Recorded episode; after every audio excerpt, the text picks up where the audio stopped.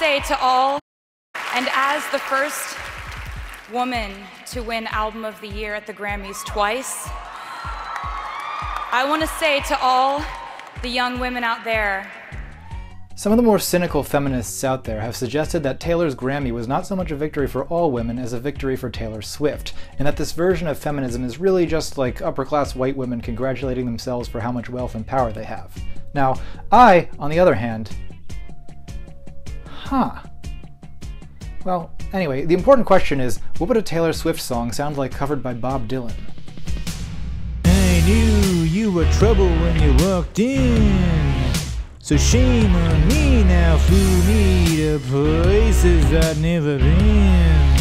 Till you put me down, oh, I knew you were trouble when you walked in.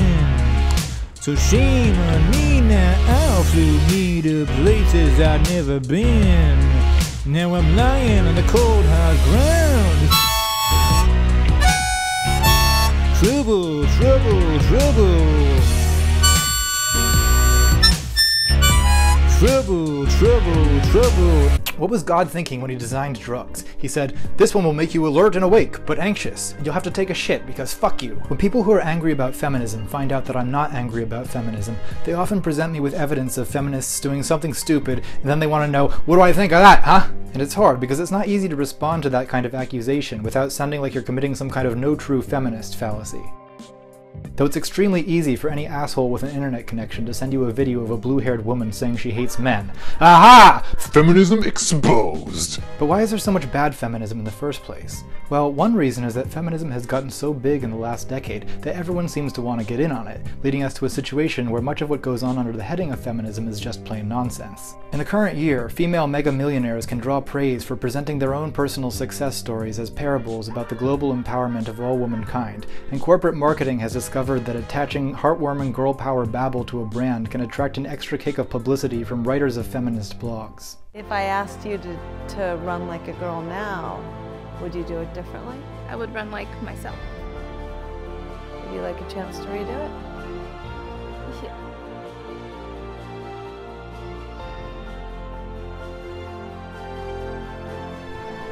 My god. I am ravenous.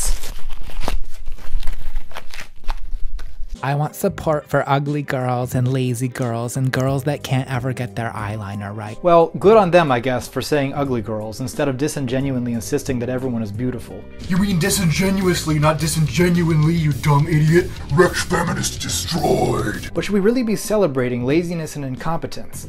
If we support people who can't get their eyeliner right, like me in this video, how are they ever supposed to learn and improve? We need shame. Shame!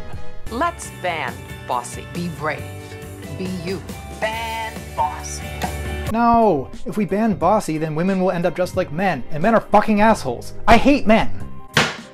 Seriously though, some of the feminist advice given to women is borderline psychopathic. You know, like, never take no for an answer. Always take what you want. This is like rapist advice. And I get that this is an attempt to turn women into monsters so they can survive in a monstrous world. But if feminism is genuine social activism instead of just individual lessons in how to game the corporate shark tank to your advantage, wouldn't it be better to advocate for a softer, more effeminate world where it's okay to apologize and to care about other people? I feel like there's a misogynistic strain in some feminism that resents femininity and wants women to be more like men. But I like women the way they are, God damn it! We shouldn't be trying to turn women into men. What we should be doing is trying to turn men into women. Beautiful. Perfect. Angels. Hairless. Pure.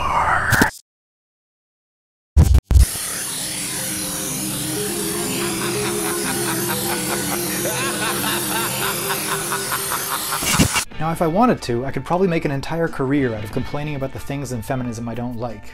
I'd certainly attract a larger audience, and probably more money, but there are already so many assholes complaining about feminism that I just can't bring myself to do it. I don't want to be mistaken for one of those, and honestly I don't think it would do any good for me to do that anyway. You know, it's one thing when a young woman criticizes the stupid things her peers are doing on Tumblr or whatever, when you've got like 49 year old men ranting about the shit 19 year old girls are doing, I don't know. I just get kind of a creepy vibe from it. It reminds me of when adult men used to complain about Justin Bieber all the time. Like, why do you care so much what music female babies listen to anyway?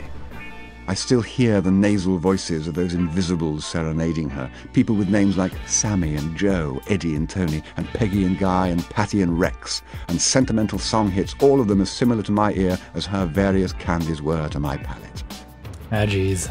Now, one serious problem with junk food feminism is that it potentially distracts from more substantive feminist activism. But it's only a distraction to the extent you allow yourself to be distracted by it. And of course, the shitlords of YouTube have every interest in keeping the worst of feminism in the spotlight. I know to my ideological opponents it might sound weird for me to say that I'm a feminist, even though I believe a lot of feminism is garbage. But what you have to understand is that feminism has gotten so huge and so ubiquitous that it's come to resemble the whole of human life, which is to say that 95% of it is absolute fucking shit, which should come as no surprise. I mean, 95% of music is shit, 95% of movies are shit, and 99.999% of YouTube videos are shit. The Earth itself is mostly shit. It's like shitty deserts and open oceans and cold ass tundras and hot fucking mosquito rainforests. And there's like plagues of locusts and dinosaurs tearing zebras apart. And the whole planet is adrift in a cosmos that's 99.9 forever percent empty. And most of the parts that aren't empty are bad and violent and shitty.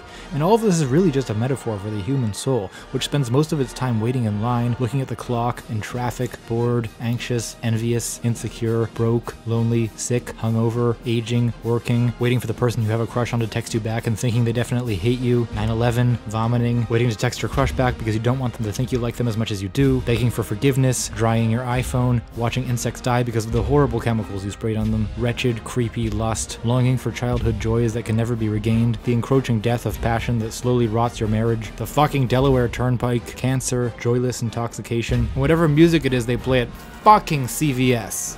It's all kind of a bunch of shit, which is why the meaning of life is to seek out the little moments of ecstasy and redemption that make it all worthwhile, and to try each day to see the world as interesting and beautiful and strange. Or, you know, at least to find it all kind of funny.